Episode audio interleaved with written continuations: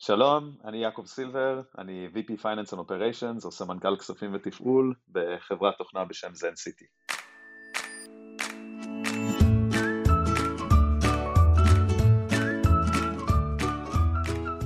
אני אביגיל לוין, מנהלת שיווק ואקוסיסטם בסמסונג נקסט בתל אביב. ואני סימונה בלסקי ואני מנהלת אה, צוות שותפויות אסטרטגיות בחטיבת מוצר של וויקס. היום אנחנו בפודקאסט מה בתפקיד, שהמטרה שלו זה להנגיש לציבור תפקידים לא טכנולוגיים בהייטק, ואיך נראים חיי היום-יום של העובדים בהם. בוא נתחיל, בוקר טוב. בוקר אור. צהריים כבר לחלק, אם לא ערב. למי שילד לפני שבוע. כן, סלחו לנו אם יהיו פה אה, תינוקות בוכים ברקע. אה, יעקב, ספר לנו במשפט ככה, מה זן סיטי עושה? אז NCT היא חברה, בלעז נקראת חברת SaaS, Software as a Service, או תוכנה בעצם, אנחנו מוכרים רישיונות לתוכנה, לרשויות מקומיות, הז'רגון שאנחנו משתמשים בו הוא ז'רגון אמריקאי של State and Local Government, אנחנו עובדים לא מעט לקוחות ישראלים, עיריות גדולות כמו תל אביב, רמת גן, נתניה, באר שבע ועוד, אה, ועיקר אה, קבוצת הלקוחות הגדולה ביותר שלנו היא עיריות ומחוזות בארצות הברית, שמות מוכרים כמו לוס אנג'לס, סן חוזה, סן פרנסיסקו, יוסטון, פיניקס, אה, ואנחנו בעצם עוזרים לרשויות המקומיות האלה להבין את הסנטימנט של התושבים בתוך הרשויות. אז אנחנו כלי ניהול דאטה מאוד טוב לפרטנרים שלנו בעיריות וברשויות המקומיות, וזה בעצם ה mission שלנו. כלי לניהול אוכלוסייה, פחות או יותר, להבין מה, מה, מה, מה מניע את האנשים ומה האנשים אכפת, אכפת להם ממנו. כן? בדיוק, כן, okay. כן, כן. באופן פחות קריפי מניהול אוכלוסייה, אבל יותר כזה האזנה לצרכים של האוכלוסייה והתאמת האסטרטגיה של העיר ל, לרצון של התושבים, בדיוק. אה, אתה התחלת, אני מכירה אותך כעורך דין. מה, mm-hmm. איך הגעת לתפקיד אופריישנס, תפקיד תפעול בעברית, צריך למצוא לזה באמת שם אחר. איך, איך התגלגלת למקום הזה? אוקיי, okay, אז אני uh, התחלתי באמת כעורך דין, אז את מכירה אותי נכון. Uh, התחלתי, ב, עשיתי התמחות של שנה במחלקת חברות וניירות ערך במשרד גדול, ועברתי לתפקיד של עורך דין למשך בערך שנה וחצי במשרד גדול אחר. Uh, אני חושב שתוך כדי, א', תוך כדי הלימודים שלי למדתי משפטים ממנהל עסקים, התעניינתי תמיד ונטיתי כמו הרבה מהחברים שלי בבית ספר לכזה, למה שנקרא הצד הביזנסי במרכאות. אמ, אבל החלטתי לעשות תואר במשפטים כי הומלץ לי על ידי אדם שאני מוקיר ומעריך ו... אה, ושאני סומך על העמדה המקצועית שלו, לשלב תואר במנהל עסקים עם תואר קצת פחות רך, תואר קצת יותר קשה, והחלטתי שמשפטים אה, יתאים לי לאופי. אמ, ובעצם המטרה שלי הייתה תמיד כזה לסיים את המסלול, שבעיניי הוא כלל גם התמחות וגם קצת עבודה, שמשוב קצת מקצועי.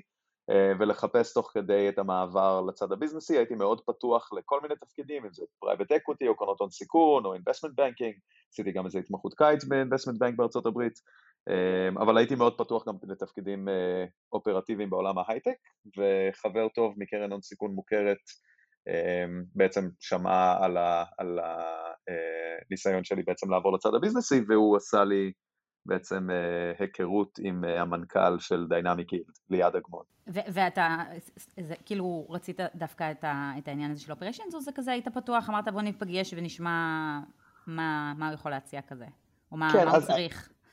זהו, אז אני הייתי פתוח להקשיב, האמת שלא הייתי מאוד סלקטיבי, ו... והייתי מאוד שמח כזה לצאת מעולם המשרדים ולהיכנס לעולם ההייטק.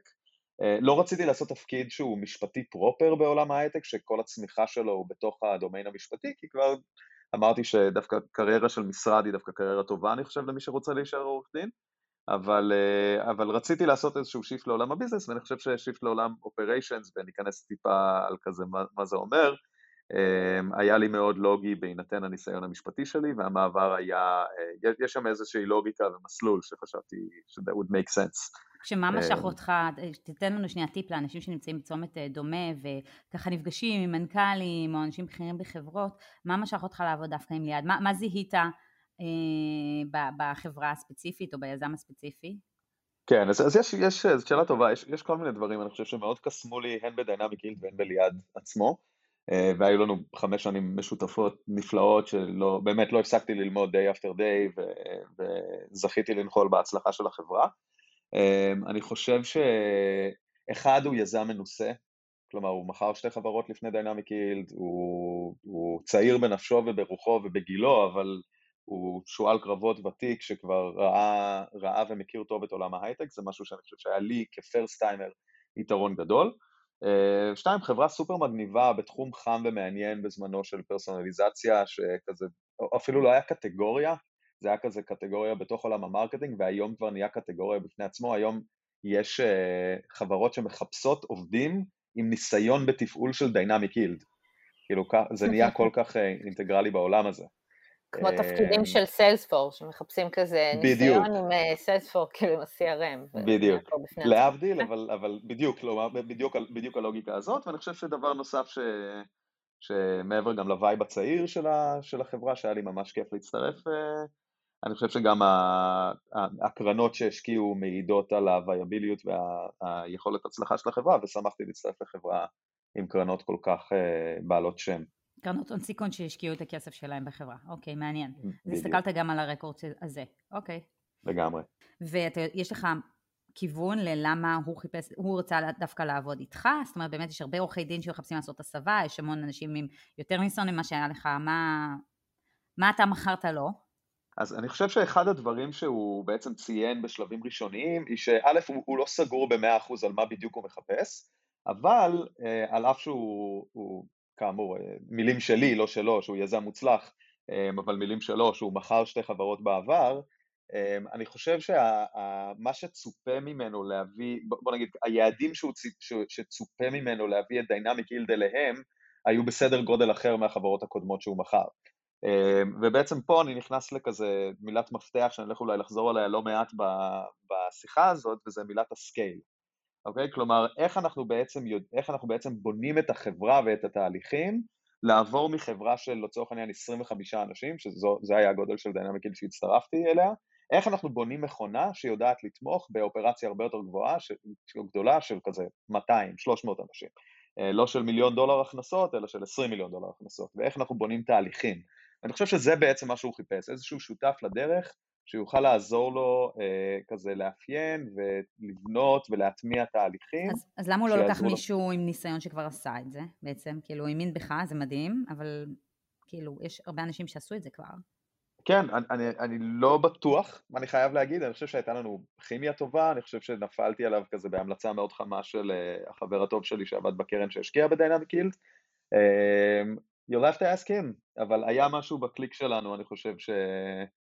שגרם לו לקחת את הסיכון, וניסיתי לא לאכזב אותו יותר מדי לאורך הדרך, ואני חושב ששנינו הרווחנו בעצם מהתהליך המשותף שלנו. אז בעצם הגעת ליום הראשון בתפקיד, כזה אחרי כל הכימיה המטורפת שם עם,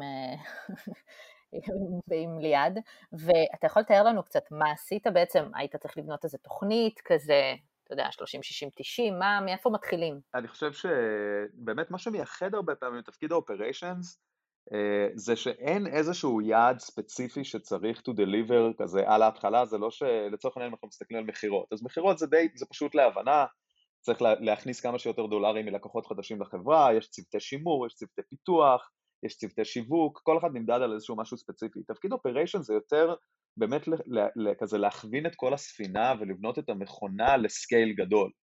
אמ, אז אין, לא היה משהו מאוד ספציפי כזה ב-30, 60, כזה 30 יום, 60 יום, 90 יום הראשונים.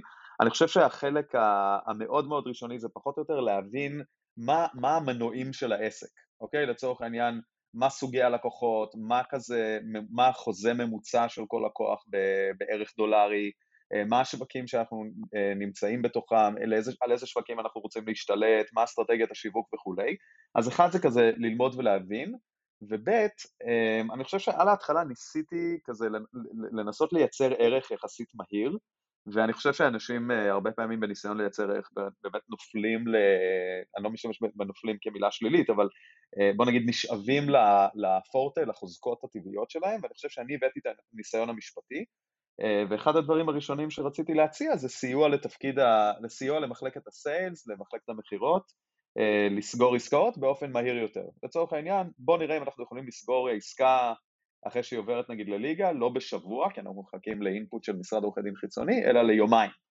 אמ, אז זה אחד הדברים הראשונים שעשיתי, ואני חושב שתוך כדי הדבר הזה, שזה באמת, זה ממש כזה ניצול של ניסיון שכל עורך דין שעשה מסחרי יכול לעשות אותו, אתה, בוא נגיד, בניגוד לעורך דין במשרד שאתה נוטה לראות את העולם בחלוקה דיכוטומית של מהו legal ומהו commercial, כן, מהו משפטי ומהו מסחרי, אני חושב שכשאתה בתוך חברה הקווים לטובה קצת מטשטשים, ואז כבר אחרי שצברתי קצת ביטחון וקצת יותר אה, רפור וכימיה עם צוות הסיילס, כבר נכנסתי ממש לכזה, רגע, תסבירו לי את המבנה של העסקה, תסבירו לי את ההיגיון, למה נתנו את ההנחה הזאת, למה תמכרנו את המוצר הזה ככה, מה, מה הערך האסטרטגי של הלקוח. נכנסת להיבט המסחרי של העסקאות בעצם. לגמרי, נכנסתי להיבט המסחרי של העסקאות, וזה, וזה בעצם דחף את היוזמה הבאה ש, שבניתי שם, שפתאום שמתי לב שאין לנו שום מדיניות לגבי מתן הנחות. ואיש סיילס היה מוכר והיה מבין, אני יכול לסגור את העסקה מהר עם 50% הנחה, או שזה ייקח לי עוד שבועיים להשיג את זה, ואני אוכל למכור רק ב-25% הנחה, וא', מערכת העמלות שלנו לא תמרצה נכון אולי לחכות את השבועיים אם זה מה שהיה נכון לחברה, וב' הייתה אי בהירות, היו כזה, היינו פשוט ממציאים על הדרך. אה, ואז הצעתי, אולי אני אוביל תהליך של לנסות לגבש מדיניות הנחות ומדיניות תמחור. ומשם הדרך כבר, כבר לדברים שהם לא משפטיים פרופר, הדרך יחסית אה, קצרה. אז זו, זו כזה הייתה החצייה הראשונה שלי מהעולם המשפטי הטהור לעולם העסקי ביזנסי. מעניין, כשהיה לך איזשהו אה, מנטור שקצת ליווה אותך בתהליך הזה, זאת אומרת זה נורא מאיים נראה לי באיזשהו מקום להתחיל תפקיד שיש לך כל כך הרבה אחריות וכל כך מעט ניסיון בו. Mm-hmm. היה לך איזה משהו כזה, או משהו, מישהו שנעזרת, או קבוצה תומכת, משהו? נעזרתי בכל כך הרבה אנשים לאורך הדרך, ואני כן, אה, משהו אחד שאני חושב שהבנתי אחרי שהתחלתי לעבוד בחברה, זה שאני אני הייתי סטודנט טוב, הציונים שלי היו טובים, אבל הבנתי מהר מאוד ש... שעולם הלמידה וההצלחה בעולם העסקי פשוט שונה לחלוטין מהעולם האקדמי. אם בעולם האקדמיה יש לך חצי שנה ואתה מתמקד בסמסטר והכל מרווח לך והכל כזה ממוקד נושאי, פתאום בעולם הביזנסי אתה צריך תוך שלושה ימים ללמוד איזשהו נושא באופן שהוא מספיק טוב to deliver את מה שאתה צריך to deliver, ואין לך ברירה אלא כזה להשתמש באנשים אחרים ולהיעזר בעוד אנשים. ובשביל זה אני, אני מאוד נעזרתי, זה נשמע נורא קלישאה, אבל נורא נעזרתי פשוט ב LinkedIn, כזה לחפש אנשים עם טייטלים של operations, ופשוט התחלתי לפנות לאנשים כזה ב-cold outreach, היי, hey, אני אה, חדש בעולם ה operations ב Dynamic Yield, אני חושב לבנות תהליך כזה וכזה, האם תוכלי לפגוש אותי לקפה כזה לחצי שעה ללמוד מהניסיון שלך?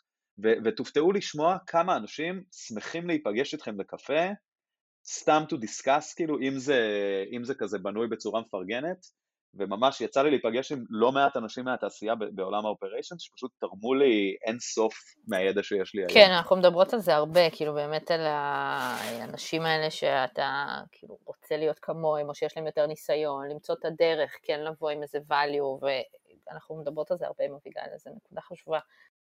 זה, זה לא בדיוק היה מנטור, אבל אה, כן, ו, ו, אז אני חושב ש... הרבה אנשים שפשוט פניתי אליהם ב LinkedIn, וגם אני חושב שהרבה אנשים מעולם ההון סיכון, כי הרי אחד היתרונות בהון סיכון זה שאומנם אה, הם לא ממש בקרביים של האופרציה, אבל הם כן רואים מגוון רחב מאוד של חברות, והם מאוד חיים את החברות דרך מספרים.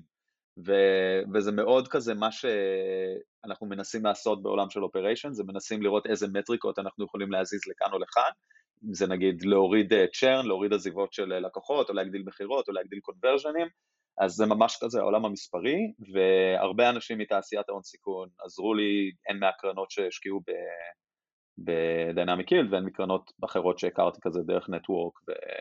וחברים משותפים. אנחנו מתקדמים קצת ואתה כמה חודשים בחברה. התחלת לספר איזה דוגמה ספציפית שהתעסקת בה כשהגעת, אבל אני רוצה קצת להרחיב את היריעה. כלומר, מה בעצם כולל התפקיד של אופריישן שהתחלת בו אחרי כמה חודשים בחברה? מה כלל היום-יום? באיזה באמת אה, אתה יודע, אספקטים נגעת, תרחיב לנו כאילו את ההתעסקות שלך. בטח. אה, אז שוב, הדברים האלה טיפה משתנים מחברה לחברה, גם האזנתי קצת לפודקאסטים אה, קודמים עם אנשי אופריישנס, יש הרבה חפיפה אבל יש גם קצת שוני, אה, אבל אה, אז אני כן אדבר כמובן מהפרספקטיבה האישית שלי, ואני גם חושב שאם יש לנו מאזינים עורכי דין, אני חושב שחלק מהדברים האלה גם ייתנו טיפים על כזה, איך לנצל את החוזקות שלכם כעורכי דין לעשות מעבר לעולם ה operations, אבל אה, אני חושב שוב, צריך לזכור שמילת המפתח, חזרתי על זה לפני כן, מילת מפתח היא scale, זה בעצם, בעצם, אם תחשבו על זה, הרבה מההצלחה הראשונית של חברה נובעת מכך שליזמים יש כריזמה מסוימת. או שיש קרבה לשוק, או שיש יכולת לקבל החלטות מהירות כי כולם יושבים באותו חדר. הבעיה כשמתחילים להתרחב זה בעיקר בעיה של תקשורת, כי כבר אי אפשר לקבל את ההחלטות באותו חדר, כבר אי אפשר לשמור על קבועי זמן סופר סופר קצרים, צריך להתחיל להסתמך יותר על תהליכים ויותר על מכונה.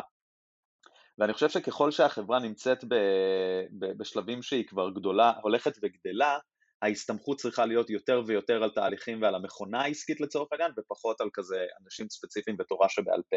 ואני חושב שתפקיד האופריישנס הוא בדיוק לבנות את הגשר הזה. עכשיו, איפה זה פגש אותי בדיינמיקל ספציפית? אני חושב שזה פגש אותי בכמה מקומות שונים. אחד, אמ, אפרופו צמיחה, אנחנו אה, הסתכלנו על כל מיני אפשרויות לצמוח באופן גלובלי, כלומר המטה של החברה היה בישראל, ואז התרחבנו כמובן גם לארצות הברית, שהמנכ"ל עשה רילוקיישן לארצות הברית, אבל uh, התחלנו בעצם לצמוח גלובלית. היינו צריכים לפתוח uh, ישויות משפטיות בגרמניה, ישויות משפטיות בסינגפור למזרח, um, אז אני בעצם טיפלתי בכל הבדיקת התכנות של האם כדאי לנו לפתוח ישות, האם כדאי לנו להסתמך על מבנה כזה או אחר, uh, ואז שימשתי כדירקטור של החברה הסינגפורית שלנו, של החברה הגרמנית שלנו, זה משאים ומתנים מול ספקים אה, אה, במקומות האלה, צריך לנסוע לשם, להכיר, לבנות שם את הנטוורק, אה, ובעצם לתמוך מערכתית ומבחינת מטה בכל הצמיחה הגלובלית. אז אם אנחנו חושבים על אופריישנס כסקייל וצמיחה והסתמכות על כזה תהליכים ומכונה, אז צמיחה גלובלית ואיך אנחנו תומכים בניהול גלובלי, זה חלק, זה לג אחד. לג מאוד מאוד חשוב והייתי אומר שהוא הלג העיקרי זה מה שנקרא KPIs, Key Performance Indicators או בעצם אלה, אלה בעצם המטריקות שאנחנו מנסים למדוד את עצמנו כנגדם בארגון. אני חושב שהתפקיד העיקרי של אופריישן זה אחד, להגדיר את המטריקות ובוא נגיד לסנכרן את כל הארגון על הטרמינולוגיה של המטריקות, לראות שכולנו מדברים, כשאנחנו לצורך העניין אומרים ביטוי כמו ARR, כן, שזה annual recurring revenues, או מחזור הכנסות שנתיות חוזרות. אמ, איך אנחנו סופרים את זה? זה? אנחנו סופרים את זה כשלקוח חותם על חוזה, אנחנו סופרים על זה כשלקוח מתחיל חוזה, אנחנו סופרים את העזיבה שלו מהיום שהוא הודיע על העזיבה, זה כאילו שאתה בונה את ההגדרות של הארגון, ומטמיע את ההגדרות של הארגון בקרב כל הארגון.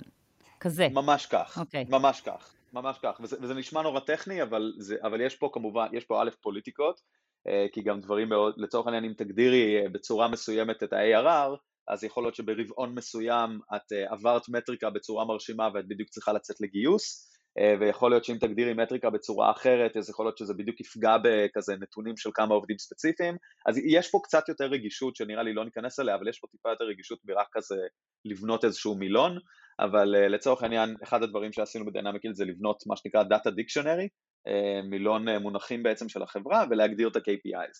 אחרי שאתה מגדיר את ה-KPIs, אתה גם צריך אה, להבין מה מרכיב את ה-KPIs. ולצורך העניין ARR, כן, כמה הכנסות יש לנו בשנה, זה תלוי כמה לקוחות יש לנו, כמה לקוחות משלמים יש לנו, כמה משלם כל לקוח, כמה לקוחות עוזבים בשנה, כמה כסף אני יכול, כמה מוצרים אני יכול למכור ללקוחות קיימים וכולי. כל אחד מהדברים האלה זה נמדד בצורה של מטריקות, ואם בעצם אה, לוקחים את זה ברמה אחת אה, גרנולרית יותר, אז גם הדברים האלה מורכבים מאוד מטריקות. אז א', אתה צריך להגדיר את כל הדברים האלה, ב', אתה צריך להציב יעדים, אה, מן הסתם עם באפרים מסוימים, כדי בסוף להוציא את ה... בסוף כדי להשיג את היעד, אה, אתה צריך ש... לראות שהיעד... שאיך אתה מציב את היעדים האלה? זאת אומרת, איך אתה יודע, אתה מסתמך על שנה שעברה? איך, כאילו, איך אתה קובע מה, מה היעד הנכון? איך אתה קובע מה היעד הנכון? אז קודם כל, אנחנו לא... צריך לזכור שחברות הייטק לא פועלות בוואקום. אמ, אנחנו פועלים בדרך כלל חברות שלי יצא לעבוד בהן, אלה חברות שהן מגובות על ידי קרנות הון סיכון, אמ, שהאסטרטגיה העיקרית שלהן היא להתבסס על צמיחה. אה, צריך טיפה להבין כזה בדינמיקה של קרן ונצ'ר אה, קפיטל, אבל ברמת העיקרון הציפייה היא שחברות יצמחו כזה year over year באחוזים מסוימים, וזה קצת, בוא נגיד ה business case שלך כחברה שהולכת ל venture capital לקבל כסף, הוא business case או budget שצריך לתמוך פחות או יותר בדברים האלה. אגב, יש דרכים אחרות לבנות חברה. אתה יכול לבנות חברה שמאופטמת ל profitability, לרווחיות, אין, אין עם זה שום צרה ושום בעיה, אתה פשוט צריך להכיר אותם, אתה צריך להבין נעלי כדורסל אם אתה משחק כדורסל, כן? אתה צריך לבוא מוכן למשחק שאתה משחק אותו. והמשחק שאני תמיד שיחקתי גם עכשיו... להחליט באיזה מגרש משחקים בעצם. כשאני רוצה שנייה לה, להסביר. למאזינים שהכוונה בצמיחה, זה אומר אה, אה, אה, נתחי שוק יותר גדולים, הכנסות יותר גדולות, אבל העלות של זה היא גם הוצאות הרבה יותר גבוהות בשיווק ומכירות הרבה פעמים. אז אפשר להיות חברות שהולכות בענק ומהר מהר מהר מנסות לכבוש הרבה שווקים, העלות של זה זה באמת להוציא הרבה כסף על שיווק ומכירות, לעומת חברות שמתקדמות ככה לאט. והאסטרטגיה האסטרטגיה שלהם היא לא אסטרטגיה צמיחה, היא אסטרטגיה קצת יותר סולידית באיזשהו מקום. הסברתי נכון? ממש כך, כן, כן, אסטרטגיה יותר סולידית ואסטרטגיה שאולי מוכוונת לרווחיות מסוימת. Uh, לצורך העניין חמי שהוא uh, איש business אבל הוא יותר old school, הוא, הוא לא מצליח להבין איך אני עובד בחברה שרווחיות היא לא יעד בשבילה, כן? עכשיו היא, היא כן יעד ארוך טווח, כן? אנחנו לא נהיה חברה 50 שנה שהיא רווחית, אבל המשחק או המגרש כמו שהגדרת, המשחק שאנחנו משחקים כרגע זה משחק של growth, של צמיחה, ולכן uh, רווחיות פחות קריטית, כל עוד אתה חברה שצומחת, ההנחה היא שאתה יכול תמיד לגשת ל capital markets, אתה יכול לגשת ל-VCs ובעצם לגייס סיבובים uh, עד שאתה מוכן בעצם להתייצב ולעשות את השיפט לטובת uh, רווחיות, אבל המשחק שאני כרגע משחק אותו וששיחקתי אותו גם בדיינמיק היל וגם בחברות נוספות שעבדתי בהן, אה, היה משחק של צמיחה. אתה מדבר פה על המון המון אה, אה, משימות, המון המון יעדים שאתה מציב, שמציבים לך. איך בעצם אתה עושה את התעדוף? איך, איך ביום יום אתה דואג לזה שאתה on top of things והדברים החשובים באמת? אז זה גם נורא משתנה מחברה לחברה, אבל אם את שואלת מתודולוגית איך אני מחליט על תעדוף, אני חושב שאתה מסתכל כזה, אתה עובד כמובן ביחד עם המנכ"ל, ביחד עם הסמנכ"לית כספים, עם ה-VP Sales, עם הצוות של, בעיקר, זה בעיקר אני חושב, business operation זה בעיקר אה, פונקציה שהיא תומכת בצוותי ה-go to market בניגוד לצוותי product ו-R&D, אם כי אני אומר את זה בזהירות כי זה יכול להשתנות מחברה לחברה. אמ, אתה צריך להבין קודם כל מה, מה אחרי שעזרת גם להגדיר, מה בעצם ה-KPIs הארגוניים, מה המטריקות העיקריות שאנחנו מנסים אה, לאפטם ולהכווין אליהם. אתה צריך להבין בעצם איפה, איפה יש הכי הרבה value בשבילך כאופריישנס. כלומר, אם אנחנו צריכים, אה, בוא נגיד, אם באנרציה אנחנו לא נשיג את יעדי המכירות שלנו, אבל כן נשיג את יעדי שימור הלקוחות, כנראה שאת עיקר ההכוונה ואת ה-resources של operations אתה צריך להשיג, אתה צריך אה, להפנות למכירות. כלומר, אם אני מנסה לענות מתודולוגית על השאלה, צריך לנסות מבין כל המטריקות אה, הארגוניות, לנסות להבין איפה לך כאופריישן יש הכי הרבה added value, ולנסות לתעדף משימות שיכולות לקדם את המטריקה אה, הזאת. כשההסתכלות שלך היא שבועית, חודשית, רבעונית, מה, איך, איך, איך נראה הטרלו שלך, איך נראה ניהול המשימות שלך? כן, אפרופו טרלו, אני, אני פחות, uh, סתם אפרופו, כן, אני יודע שהשאלה לא ממש הייתה על זה, אבל uh, אני, אני פחות עובד כזה עם לוח משימות, זה יותר כזה מלוז ומכזה רודמפים, אבל uh, אני חושב שתמיד ההסתכלות צריכה להיות uh, מקרו, כלומר, תנסה, תנסה להבין מה היעדים השנתיים שלך, אחרי זה תנסה כל רבעון לראות מה היעדים הרבעוניים שלך, uh, ואז תנסה לראות כזה שבועי, כן? בוא נגיד, אני עם הצוות שלי היום, אני עושה גם סטנדאפ יומי. אנחנו מנסים להבין מה... רגע, סטנדאפ, למאזינים זה פשוט פגישה שעושים בעמידה כדי שהיא תהיה קצרה ועניינית, זה מונח גם כן אה, מעולם ההייטק. בדיוק, זה לא... נכון, סליחה, זה, זה לא... אה, אני לא עומד מולם ומספר בדיחות. Uh, נכון, זה לא סטנדאפ קומי, אבל את צודקת, סליחה שלא הבהרתי. זה, זה בדיוק זה, זו פגישה קצרה ומתומצתת, שנועדה פשוט לתעדף משימות ולראות שכולנו מפוקסים על אותו דבר. אז אני חושב שההסתכלות, אה, כל רבעון אנחנו בעצם מציגים לכל החברה את היעדים של אופריישנס, אה, ואנחנו מצידנו כזה שאני מתכנן את השבוע, אני תמיד מסתכל האם מה שאני עושה בשבוע הולך לקדם את היעדים הרבעוניים שלי, אה, וביומי אני מנסה לראות שאנחנו on track כדי להשיג את היעדים השבועיים. אבל על מה operation בעצם נמדד? על כמה כן, זה... עזרתם להם? אני גם מבין את המתח האינהרנטי בין כזה להטמיע גישה שאומרת צריך למדוד כל דבר ו... וצריך לתמרץ על פי מדדים וכל דבר צריך להיות מה שנקרא Data Driven, כן, מונחה, מונחה דאטה או מונחה מידע, אבל אחרי זה הצביעות היא שבעצם, אוקיי, אז איך אתה מודד אותי? אה, ונורא נורא קשה למדוד צוותי operations, כי חלק מהפורטה של operations זה להיות משהו שהוא cross מחלקתי, ואין לנו איזה output שהוא נורא נורא מוגדר. אז אתה יכול לצורך העניין עם ה-COO שלי ב Dynamic Yield, היינו ממש מגדירים כזה, אוקיי, מה, מה המטריקות שאנחנו רוצים לראות uh, משתנות מרבעון לרבעון בתוך צוות ה-Operations, אבל אני, אני חושב שזה קצת overkill ברוב החברות, ואני חושב שההצלחה של Operations אה, נמדדת בזה שהמחלקות שהחלטת להתמקד בהן, הצליחו להזיז את המחט אצלם. זאת אומרת שאתה רואה תוצאות, אתה רואה תוצאות לעבודה שלך בעצם. בדיוק, בדיוק, זו, זו, כן, זו דרך ארוכה ומתפתלת לומר שאין לי ממש אה, מטריקה מדידה כן. לביזנס אופריישנס, אבל אני חושב שיש אפשרות טובה, קואליטייטיבלי לפחות, באופן איכותני, להסתכל על העבודה ולהגיד אם, אה, אם הצלחנו או לא הצלחנו. אה, אז יעקב, נשמע שאתה מתעסק במלא דברים, בוא תספר לנו במה אתה לא מתעסק. במה אני לא מתעסק. אני חושב שככלל אני פחות מתעסק בכל מה שקשור לפיתוח. בצד הטכנולוגי, אם כי יש לזה גם חריגים, לצורך העניין בדיינמיק הילד עלה כל הסוגיה של GDPR, סוגיה של Data Privacy, שזה גם משהו שכאילו אינהרנטית לא, יכול להיות שבחברות ענק כמו מקדונלדס שנרכשנו על ידם, יש צוותים ייעודיים שמתעסקים ב privacy, אבל בסטארט-אפ אין צוות privacy בדרך כלל, אבל יש צורך לענות על, על privacy, וזה עולם ש operation זה יכול לבוא ולהגיד, טוב, זה חוצה מחלקות, זה גם קשור ל marketing, גם קשור ל product ו-R&D, זה משהו שאני לקחתי על עצמי, אז הייתה לי הרבה מאוד עבודה משותפת עם כזה InfoSec, Information Security ו-Privacy, אבל ככלל הממשק הוא הרבה פחות, הרבה פחות בעולם ה-R&D, ואני חושב שגם פחות בעולם ה-HR, אבל הוא מאוד מאוד אינהרנטי עם, עם Go to Market, עם כזה שימור לקוחות, מכירה ללקוחות שיווק, Sales Marketing, Customer Success, וכמובן שיתוף פעולה מאוד הדוק גם עם finance. יעקב, אתה יכול לשתף קצת במתודולוגיות לניהול operations? יש דבר כזה? ואם כן, אם התנהלת לפי איזושהי מתודולוגיה מומלצת? מבחינה מתודולוגית, אני חושב שהרבה מהעבודה של operations היא עבודה פרויקטלית, וצריך לשאוב הרבה מ... יש הרבה עבודה יומיומית, ואז המתודולוגיות, אני חושב, הן פשוט מתודולוגיות לניהול זמן, כמה שזה אולי נשמע לא אינטואיטיבי, ויש, אגב, ספר שאני מאוד ממליץ עליו, שהמליץ לי עליו חבר קרוב, 15 Secrets Successful People Know About Time Management, אני מאוד מאוד מאוד מאמין בכזה, במתודולוגיות שמוצגות בספר הזה, ואני חושב שזאת מתודולוגיה מאוד טובה to tackle את הטאסקים ה-day to day שיש לך בתוך עולם ה-operations, אבל, אבל כשלצורך העניין אנחנו מדברים על כזה לייצר מדיניות או לייצר פרוסס שהוא חוצה מחלקות, צריך לשאוב קצת מעולם הניהול פרויקטים. לצורך זה, אגב, גם עשיתי קורס, בקורס של, של ניהול פרויקטים בטכניון, קורס כזה קצר של שבוע, אבל שאבתי משם הרבה השראה לעבודה היומיומית שלי ב-operations. אז יש הרבה מאוד מתודולוגיות, אני חושב שאחד זה כזה, א', להבין כזה מה, מה, מה ההישג הנדרש, מה מצופה, מה הצורך, לא צריך לתפור משהו שהוא, overkill, כן, לא צריך להשקיע מלא מלא זמן במשהו שהוא כזה פרפקט, או משהו שהוא יתאים לכזה עוד שנתיים, צריך ממש להבין מה ההישג שהוא כזה MVP או מינימום viable product, לצורך העניין, מה אני יכול לדלבר שייתן אימפקט בטווח זמן מיידי, אז אחד זה כאילו, אני, אני קורא לזה quality, מה ה-quality הנדרש, מה האיכות הנדרשת, מה, מה בעצם, ה, מה נדרש לדלבר. שתיים זה בוא ננסה להבין את הטיימינג, האם יש לי שבוע, האם יש לי שבועיים, האם אני יכול לדלבר משהו תוך שבועיים ומשהו יותר טוב תוך חודש.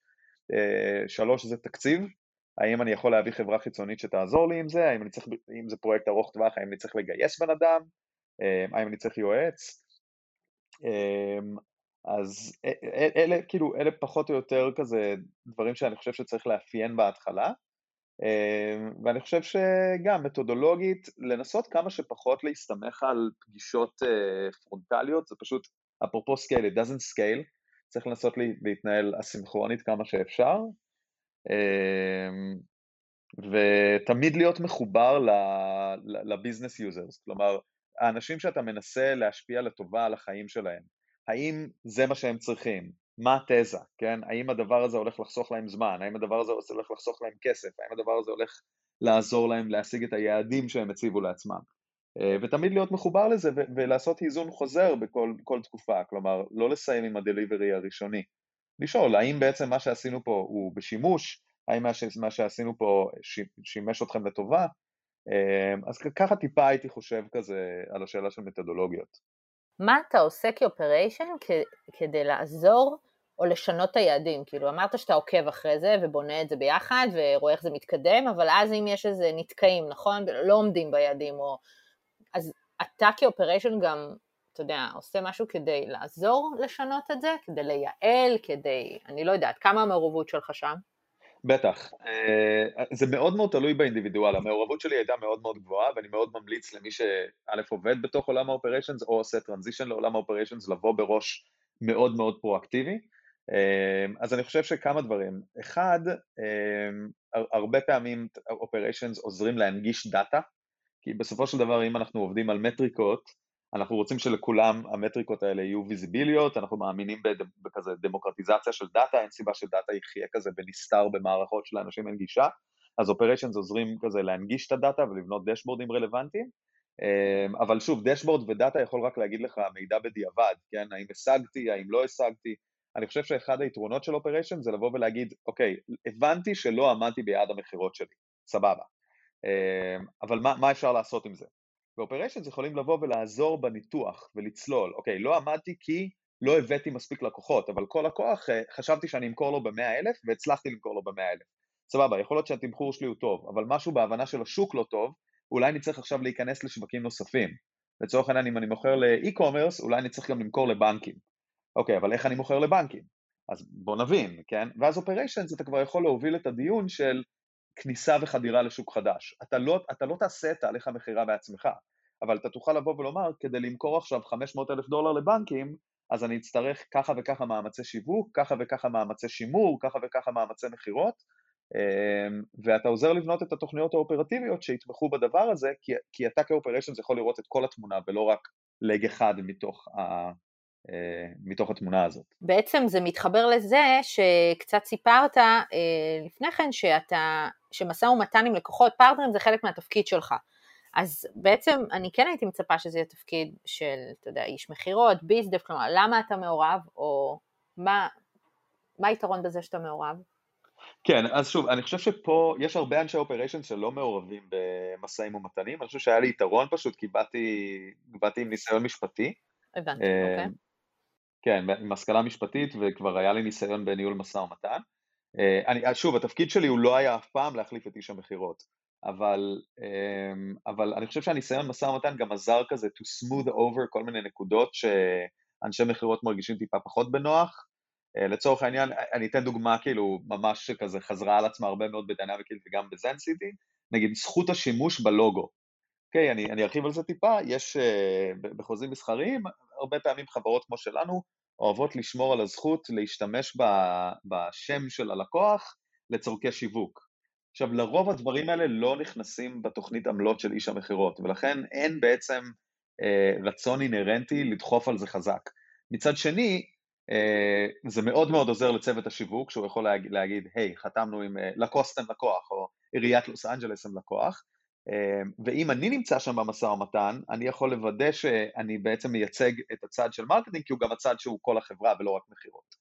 אה, אז אני התעסקתי בזה כי, כי היה לי יתרון יחסי שם, וכי שמחתי לעשות את זה, וגם הייתה לי הסתכלות כוללת על צורכי הארגון, ולא רק ההכנסה הדולרית של העסקה הספציפית. אז אתה מבין נקודה מעניינת, שאם אתה מגיע עם רקע משפטי, יש לך עוד ככה משהו להציע, רקע משפטי מסחרי, כן, אם עשית ליטיגציה, כנראה שהעולם תוכן שלך הוא קצת שונה, אבל אה, נכון. אה, יש לך את ההיבט הזה שאתה יכול להכניס וככה אה, לייתר חלק מהתהליכים שאחרת אתה לא שולח לליגל. לגמרי. אני חושב שלעורכי דין ככלל יש, יש נטייה להיות יחסית טובה, להיות יחסית טובים בכזה לפרק דברים לגורמים ולתהליכים, לצורך העניין הם רואים איזה סעיף, אז הם יכולים להבין, אוקיי, הסכמנו על 80% מהסעיף, לא הסכמנו על 20%, בואו נעשה שיחה על 10% ונתכתב באימייל על 10%, זה אולי נראה נורא טריוויאלי לעורכי דין, אבל זה לא skill מאוד טריוויאלי בשוק. ואני חושב שעורכי דין שעושים מעבר ל operations, היכולת כזה לחשוב על דברים בצורה תהליכית, אה, A מוביל ל-B, מוביל ל-C, מוביל ל-D, אה, זאת יכולת שאפשר מאוד מאוד למנף בתוך עולם ה operations. אוקיי, סבבה. אני רוצה עכשיו להתייחס למשהו שדי ייחודי לתהליך שאתה עברת, אבל אפשר ללמוד מזה אה, גם אנשים אחרים. אתה בעצם אה, ראית צמיחה של חברה מ-30 עובדים לבערך 200 עובדים, ואז אה, מכירה של החברה למקדונלדס. איך השתנה התפקיד שלך לאורך הדרך? איך, איך אתה השתנית לאורך הדרך? איך זה השפיע על, על ה-day to day שלך, האם בכלל? זה השתנה מאוד. השתנה מאוד, ושוב, הפריזמה היא מה, מה הארגון צריך כדי להיות מוכן תמיד לשלב הבא שהוא פשוט גדול יותר ממה שהוא היום. אז אם הצטרפתי לדינמיקיל שהייתה חברה ש, של 30 עובדים שכזה 80% מהחברה יושב באותו חדר ו-20% גם יושב בחדר אחר אבל באותו חדר, אז הדברים שלצורך העניין הנגשה של דאטה לא הייתה בעיה, כאילו כולם הייתה נגישות לדאטה. אז הבעיה הייתה כזה, אוקיי, למה אנחנו נותנים פה הנחות, מה בעצם, יכול להיות שהמנכ"ל היה נותן אישור לתת הנחה, וזה עבד כי היה לנו איקס קטן של לקוחות. אבל עכשיו אנחנו גדלים עם הלקוחות ואנחנו לא יכולים לחזור למנכ"ל כל פעם לאשר כל עסקה. אז איך אנחנו בונים את ה process או את התהליך שיתמוך ב scale הזה. אז זה כזה הפוקוס בשלב הזה של החברה. כשגדלנו להיות חברה הרבה יותר גדולה, כבר הבנו שיש לנו בעיה של דאטה. לצורך העניין אני מדבר עם אה, בן אדם שגייסתי בגרמניה ובן אדם שגייסתי בסינגפור, והוא לא מכיר את המטריקות של החברה, כי זה כזה חי בראש אה, או במערכת שהוא לא יודע לתפעל. ואז בעצם התפקיד נהיה איך אני מנגיש דאטה, איך אני בונה dashboardים. אה, ואחרי זה, אחרי שבנינו דאטה והנגשנו דשבורדים, הבנו שיש גם בעיה בכלל של הבנה של ההגדרות, ואז אתה צריך לבנות data dictionary, ולצורך העניין אחד הדברים שנגיד עשיתי פה בזנסיטי זה איזושהי מדיניות communications, שזה נשמע אולי כזה over the top ו corporate, אבל איך אנחנו בכלל מנהלים פגישות, האם אנחנו צריכים לבוא עם אג'נדה לפגישה, האם אנחנו צריכים להתכתב באימייל או ב Slack, האם אנחנו הולכים על פגישה או על, או על אה, אה, התכתבות אה, כתובה.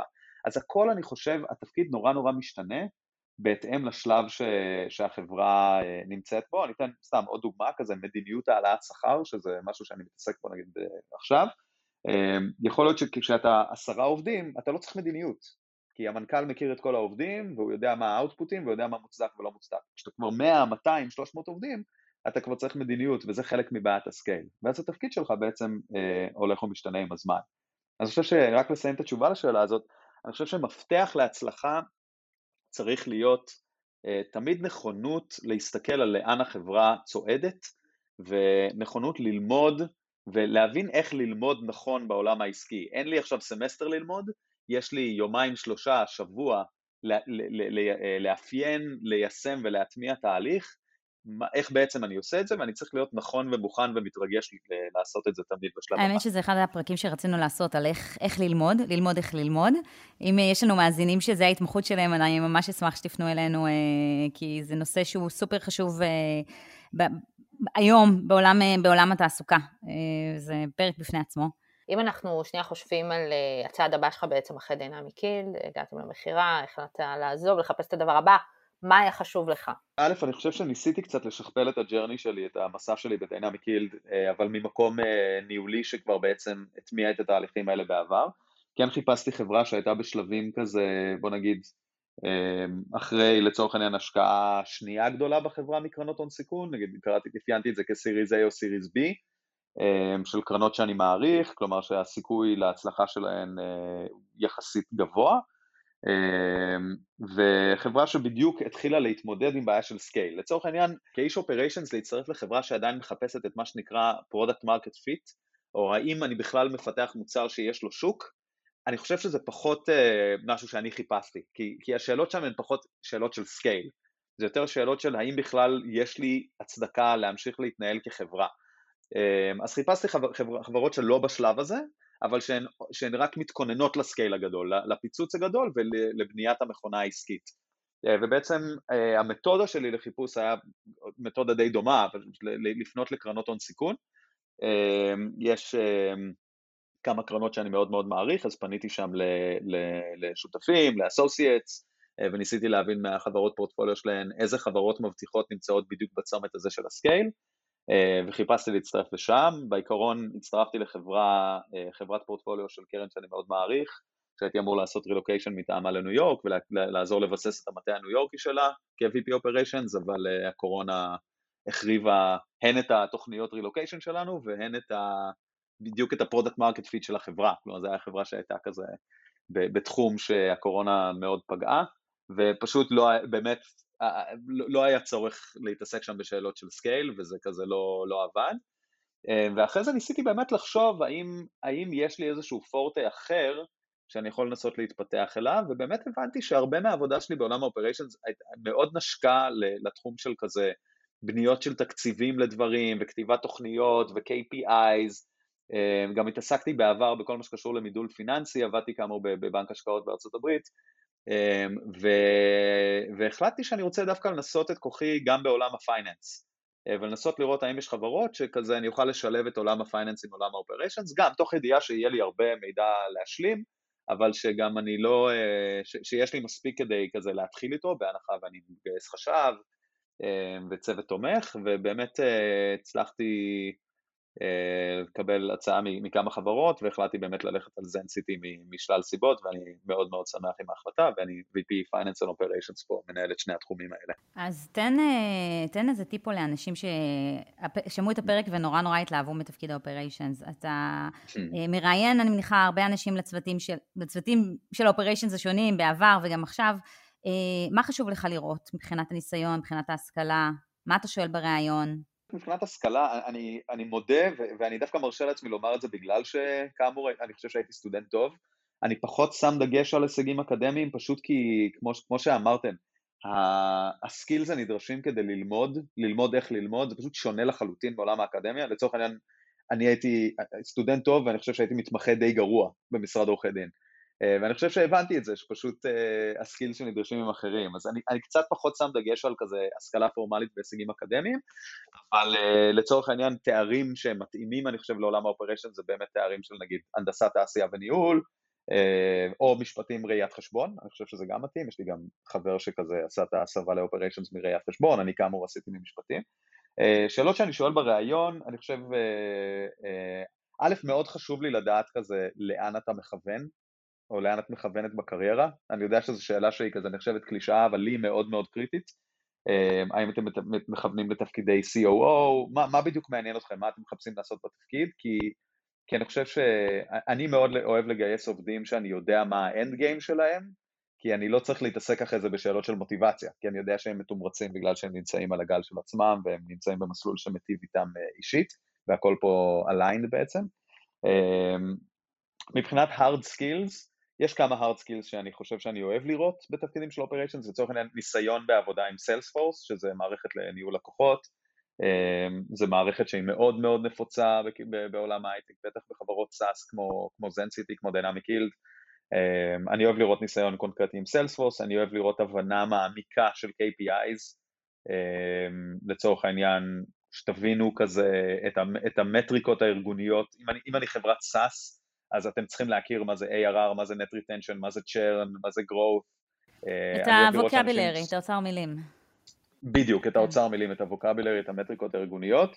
אה, ניסיון בכזה בנייה של דשבורדים מאוד מקדם, אה, וב soft skills יכולת כזה, הרבה אנשים אומרים people skills, אני חושב שזה מונח כזה לא ברור, לא יודע מה זה people skills, אני אוהב לשמוע דברים יותר קונקרטיים, יכולת להוביל תהליכים כזה A to Z, שזה אומר יכולת להתגבר על התנגדויות, יכולת לבנות קואליציות, אה, שאני חושב ששוב, להרבה עורכי דין טובים יש את היכולות האלה. אה, וגם להרבה אנשים שהם לא עורכי דין יש את היכולות האלה, אז אלה, אלה פחות או יותר הדברים שאני מחפש כזה. ואיך אתה, אתה מגלה את זה בריאיון? אתה נותן איזה עבודת בית? אתה, יש איזו שאלה ספציפית? וואו, אז ראיונות זה ממש אומנות בעיניי, שאני אני חושב שאני אישית עשיתי שם דרך מאוד ארוכה, כי אני חושב שהתחלתי כמראיין גרוע, אמ, שפשוט כזה יוצא ואומר, אה, סבבה, היה נחמד, או כזה, באמת, לא, לא, לא ממש יודע מה לחפש, והיום אני חושב שהגעתי לרמת פרופישנסי יחסית טובה. אה, אני גם, יש לי פה ספר להמליץ עליו, יש אה, ספר שנקרא WHO, WHO, אמ, שאני חושב שהוא ספר מדהים, מדהים, מדהים, שממליץ כזה על מתודולוגיה ושאלות ואיך לגייס A-players. אני אה, רושמת את ההמלצות שלך, אל תדאג.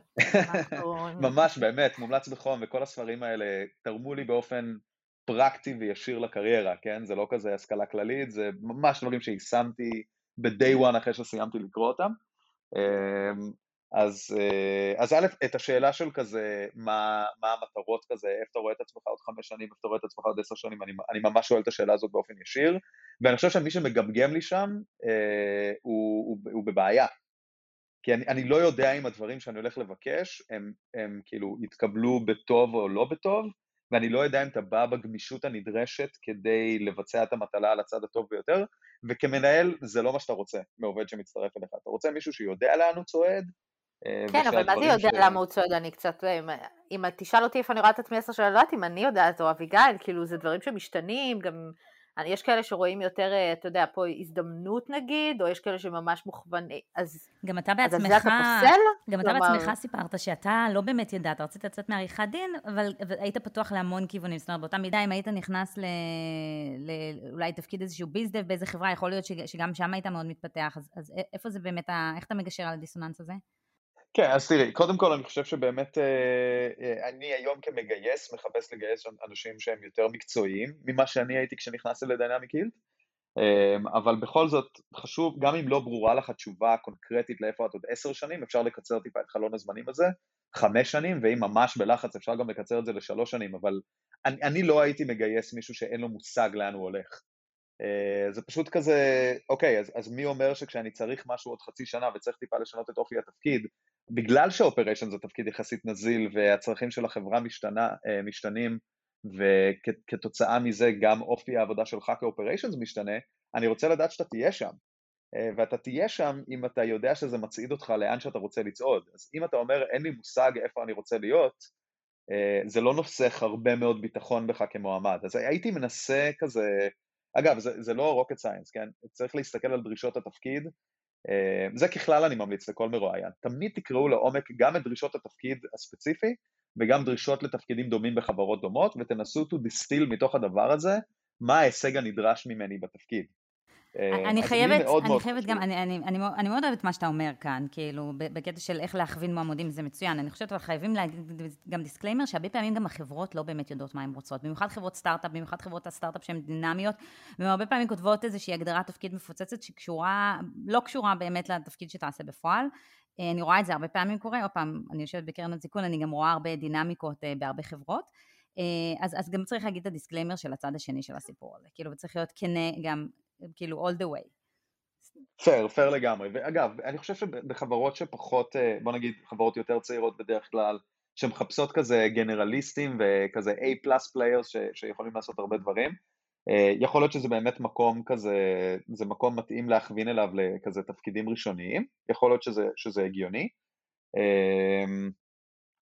אבל אני חושב שבחברות טיפה יותר מבוססות כן ידעו באופן, בוא נגיד, ידעו מה הפער ומה החוסר שבג, שבגינו מחפשים עובדים, אוקיי? כלומר, אני יודע שאני מחפש אנשים, אני חיפשתי חשב כי אני יודע את ההישג הנדרש.